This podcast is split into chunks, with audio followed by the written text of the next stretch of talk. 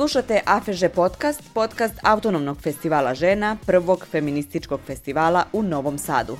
Ovo je AFEŽ razgovara i govorni program Radna žena 24-7. Tema je angažovana jugoslovenska ženska proza 30. godina, figura radnice i Stanislava Barać iz Beograda. Dobar dan i dobrodošli na treći dan našeg teorijskog dijela AFŽ festivala. Sa nama su danas dvije sjajne drugarice, jedne fantastične žene koje obe su zaposlene na Institutu za književnost i umetnost u Beogradu i bave se sjajnim stvarima, uglavnom vezano za književnost, jedne briljantne teoretičarke, naravno iz feminističke perspektive.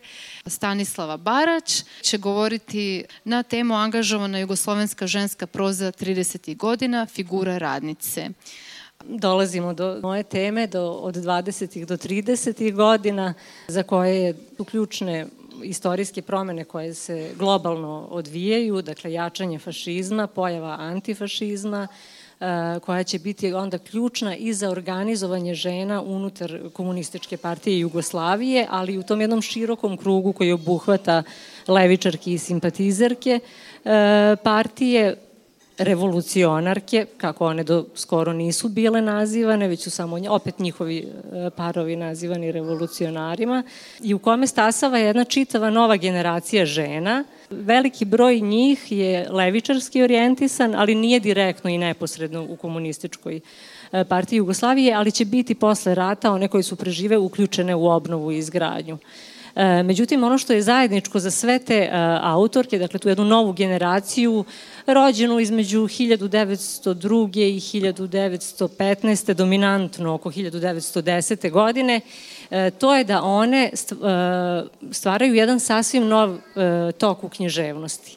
I to je ono što se prosto primećuje kada se redom čita sva ta ženska proza, ja sam se na njoj fokusirala, Eh, od 20. godina kada postoje naravno feministički tekstovi, eh, kada postoji feministički angažovana proza, eh, postoji posebno i levičarski angažovana, ali u ovom trenutku dolazi do jednog specifičnog momenta gde se postoji čitav broj autorki koje feministički i levičarski angažman spajaju, bez obzira da li su posredno ili neposredno uključene u rad ne moramo reći samo partije, nego i komunističkog pokreta, ali koje to duboko integrišu u svoju prozu, u svoju umetnost, Uh, i ko, zbog čega sam izabrala taj e, izraz za, za taj prvi, da kažem, prvu turu istraživanja, možda ću do kraja i promeniti, angažovana ženska proza. Uh, dakle, jer ona nekada jeste i revolucionarna, a nekada je to nekako u implicitnom sloju i nije zaista i doslovno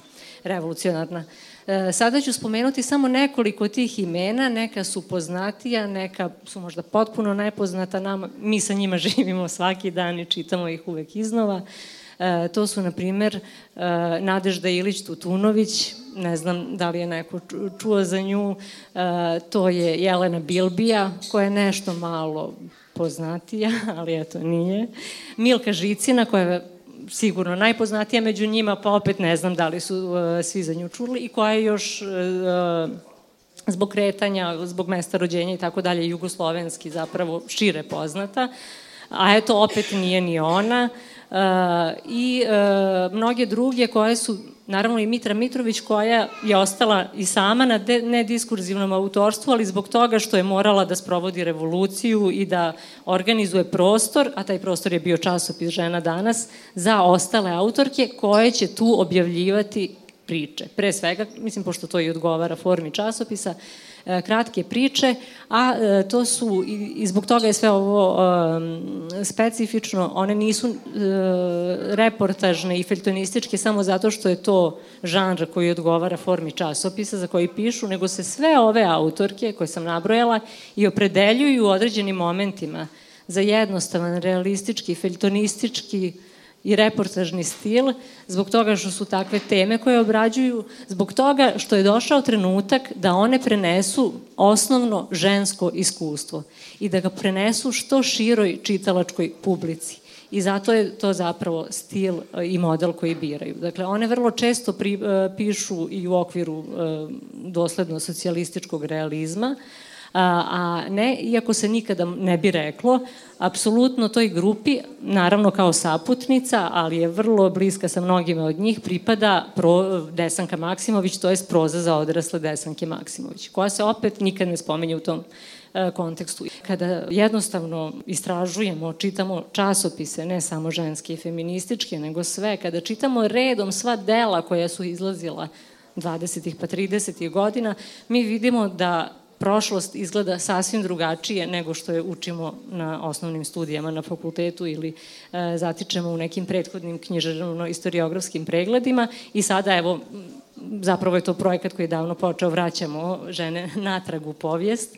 E, tako da ovde je e, kod, kod grupe ovih autorki, da ne bih sad ovako okolišila kao kiša oko Kragujevca, možda da nekako se do, dođem do bar jednog teksta, ovaj, iako je nezgodno prenositi tekst kada drugi nemaju da ga čitaju, ali da ne bi izgledalo sve suviše abstraktno, izabrala bih jednu priču, pa i više njih, koje pokazuju šta, šta su zapravo te autorke uradile. Pa eto, Nadežda Ilić-Tutunović, koja, eto, čak ne pripada direktno komunističkom pokretu, e, zapravo piše prozu koju danas, e, koja govori o ženskom iskustvu, specifičnom ženskom iskustvu, a, a i dosledno prikazuje zapravo a, e, taj spoj a, klasnog i rodnog a, počinjavanja ženja, to kako se, kako se te dve linije savršeno lepo ukrste, a, da a, da učine ženu nesrećnom na hiljadu načina. Dakle, priča je Jelenino badnje veče, dakle, koja nosi naziv po tom najsvetijem prazniku, govori o jednoj služavki. Uh, inače, u prozi ovih autorki i zato je Žarka koja je dala naslov ovom mom izlaganju to figura radnice, e, govori o e, različitim radnicama. Dakle, radnice su likovi i to u, najveć, u jako velikom broju zaista služavke i to i seoske i gradske služavke, ali isto tako e, likovi su u toj prozi Fridu Filipović, na primjer nisam spomenula među svima ovima koja je mnogo važna, su i sobarice, hotelske sobarice, pralje, daktilografkinje i administrativne radnice, dakle zaista radnice i e, samo što je njihova pozicija drugačija, to je veća i ovaj, eksploatacija koja se vrši. Dakle, ova pripovetka, na primer, Nadežda Ilić Tutunović iz 1938. godine, e, savršeno prikazuje, a na jedan književni i lak način koji i ta publika koju je zapravo u krajnjem ishodu namenjena, a to jesu žene i žene koje tek i uče da čitaju, e, može lako da je razume, a u, a u isto vreme mogu da je čitaju oni koji imaju visoke uh, književne estetske zahteve, zato što je uh, savršeno čehovljevski uh, komponovana i tako dalje.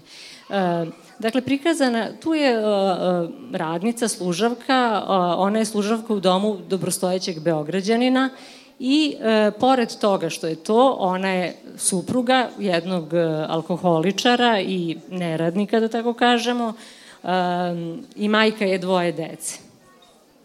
E, šta se događa na to badnje veče koje je svima praznika, naravno e, najmanje je to za siromašne i posebno za žene, e, to je da e, gazda kod koga radi e, zatraži od ove e, služavke da, da ostane malo duže i da mu pomogne oko e, spremanja kafe sa gostima, jer niko ne kuva tako dobru kafu kao ona. Dakle, tu je već jasno ova autorka, iako ne mora da ulazi ni u kakvu e, dalju, da tako kažemo, feminističko, marksističku analizu, ali zapravo je to uradila kroz samo tu jednu e, sliku, pokazuje šta je to potplaćeni i neplaćeni ženski rad koji se dodaje ovome radu osnovnom njen rad je dakle rad služavke, ali mi znamo da je i taj rad već potplaćen. Pa se u odnosu na taj potplaćeni rad dodaje tome ovaj zahtev za ovim neplaćenim. E, gde su tu sad sve e, dodatne eksploatacije? Suprug je ostao nedavno bez posla i on, da bi svoju tugu ovaj, utopio, odlazi u kafanu i tamo e, pije i potroši sav novac koji je dan pre Jelena pozajmila od gazde tražeći zbog praznika da joj da platu napred. Ali opet, da tako kažem, i mi svi ovde znamo da to nije plata koju ona traži unapred, jer ona je unazad godinama potplaćena i eksploatisana. Dakle, to nije uh, višak koji ona traži, ona je već u manjku I, e, dakle, eksploatacija se samo jedna na drugu nadovezuje i muževljeva i gazdina eksploatacija, dakle, taj srećni spoj patrijarhata i kapitalizma ovde savršeno e, deluju, e, nje, nje, njen minus i, uvećavaju kao i njenu eksploataciju. Naravno, pri tome ona je ta koja zbog prethodnog delovanja patrijarhalni normi usađenih u sobstvenu svest je ta koja sebe smatra onom koja je i dužna da sve te minuse pokrije. Naravno, pri svemu tome, ona je ta koja isključivo brine o deci i suprug ne misli da treba da ostane kod kuće kada ona decu ostavlja sama, nego ona brine kada ostavi dvoje male dece kod kuće. E, pa je tu i taj, ta emotivna dodatna eksploatacija e, koja se nado, ovaj, u, u, koja je zapravo povezana sa svima ovima. E, tako da e, nizom tih slika upečatljivih i detalja, pokazujući to kako Jeleni e, curi mleko iz dojke jer jedno dete mlađe još uvek sisa dok žuri da stigne ka njima, a prethodno je obavljala onaj rad, e, pokazuje e, da prosto zapravo ni ne postoji granice i ne postoji kraj, evo reći ću po stoti put tu reč, e, eksploatacije, ali naravno samim tim i proizvodnje viška vrednosti za nekog. Tako da e, ova autorka kao i sve ove druge e, čini nešto što je i, Roza Luksemburg u svojim spisima pred prvi svetski rat rekla, a to je da zapravo tek žene koje imaju iskustvo podčinjenosti eksploatacije mogu da budu zaista one i koje će izvršiti revoluciju i koje će izvršiti i feminističku revoluciju, ali da buržoaske e, gospođe ne mogu da budu saveznice, to je da buržoaski feminizam u tom trenutku, bar je ona to tako videla, ne može da bude do kraja saveznik ni u proletarskoj revoluciji, ni u toj feminističko-preletarskoj, da tako kažemo, e, revoluciji koja treba da se izvrši. Ova priča, to, to samo, samo nizom slika to snažno e, prikazuje. Naravno, ona to čini kratko, nenametljivo.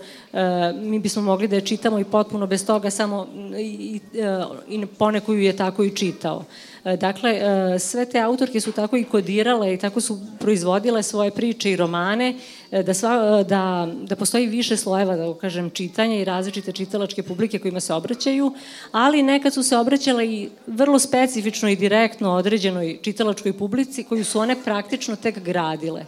Naprimer, Milka Žicina je za časopis Žena danas 1936. godine napisala pripovetku Šegrt Ona se sad može naći u nekim reizdanjima i tako dalje, ali kada se bolje pogleda taj broj časopisa, tu su i drugi članci posvećeni fenomenu šegrtovanja i zapravo je on specijalno za to napisan. On govori o šegrtkinji u stvari, o devojčici koja, naravno, većinom su to iz sela, eventualno iz grada, devojčice koje dolaze kod gazda, gazdarica da za određeni dan, zanat se obučavaju i ovo je devojčica koja se obučava za krojačicu. A sutra ćemo čuti nešto više i o e, radnicama u tekstilnoj e, industriji.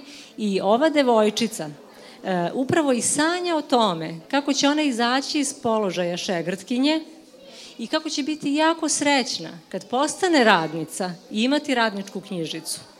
Jer onda, iako će biti eksploatisana za svoj osnovni rad svakako, njoj neće moći niko da daje jer to tada stvarno po zakonu nije moglo s radničkom knjižicom, dodatne poslove koje se šegracima i šegratkinjama daju. A ona, pored toga što služi gazdaricu više nego što treba učeći za krojačicu, riba ne samo njenu e, majstorsku radionicu, e, nego i njenu kuću, nego i e, e, prostor njenih podstanara i, biš, i briše cipele njenih podstanara. Dakle, tu je sad i ona razlika koja postoji uvek između muškaraca i žena i devojčica i dečaka, čak i kada su potlačeni, oni kad su ista potlačena klasa, oni su opet dve klase, jer od devojčica se traži ono što se od dečaka na tom istom mestu ne bi tražilo. Mali šegrti, e, dečaci, dakle, budu iskorišćavani za taj osnovni rad za koji se obučavaju, ali devojčice rade sve ove, upravo ove neplaćene poslove koji pripadaju tom reproduktivnom ovaj, e, delu u sistemu kapitalizma. I e, ono što je zanimljivo, e, to je da e, ova devojčica, ukoliko i postojala i preživela, bi doživela e, on, i, bo, i nešto mnogo bolje od toga e, o čemu je sanjala, jer Milka Žicina jeste pisala e, tu priču s, s namerom da je čuju i one koje su već radnice i one koje su tada šegratkinje, jer su te priče i časopis Žena danas je čitan po fabrikama, aktivistkinje su ga nosile, njen cilj je bio da ga čuju i te male šegratkinje koje još uvek ne znaju da čitaju i da bi se dogodila revolucija. I revolucija se i dogodila i već 1946. među prvim zakonima koji su u socijalističkoj državi donošeni, donet je i zakon uh, o tome da je maloletnički rad apsolutno zabranjen, da ne sme da postoji institucija šegrta i Milka Žicina je napisala novu priču, objavljenu takođe u časopisu Žena danas koji je nastavio da izlazi koja se zove Nisam više šegrt i koja govori o srednjim školama i gde se jasno kaže kako sada e, maloletnici mogu da budu samo učenici zanatskih škola, a nikako šegrti u bilo čijoj službi. Njihov rad može biti, oni mogu samo da uče, njihov rad ne može da bude iskorišćavan. A evo mi danas, e, pre nekoliko godina kada je donet zakon o dualnom obrazovanju, zapravo smo vratili mogućnost e, eksploatacije dečeg, to, to je ozakonjenje dečeg neplaćenog e, rada. Dakle, vratili smo se, ovaj, naravno, na Kraljevinu Jugoslaviju, koju toliko simpatišemo, očigledno.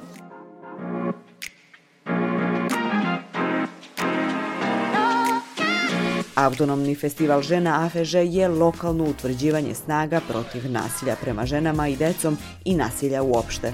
AFŽ je prvi feministički festival u Novom Sadu. Podcast AFŽ-a prati festival i donosi vam priče sa njega. Slušali ste Afeže razgovara u kom vam donosimo razgovore sa tribina koje su organizovane na festivalu.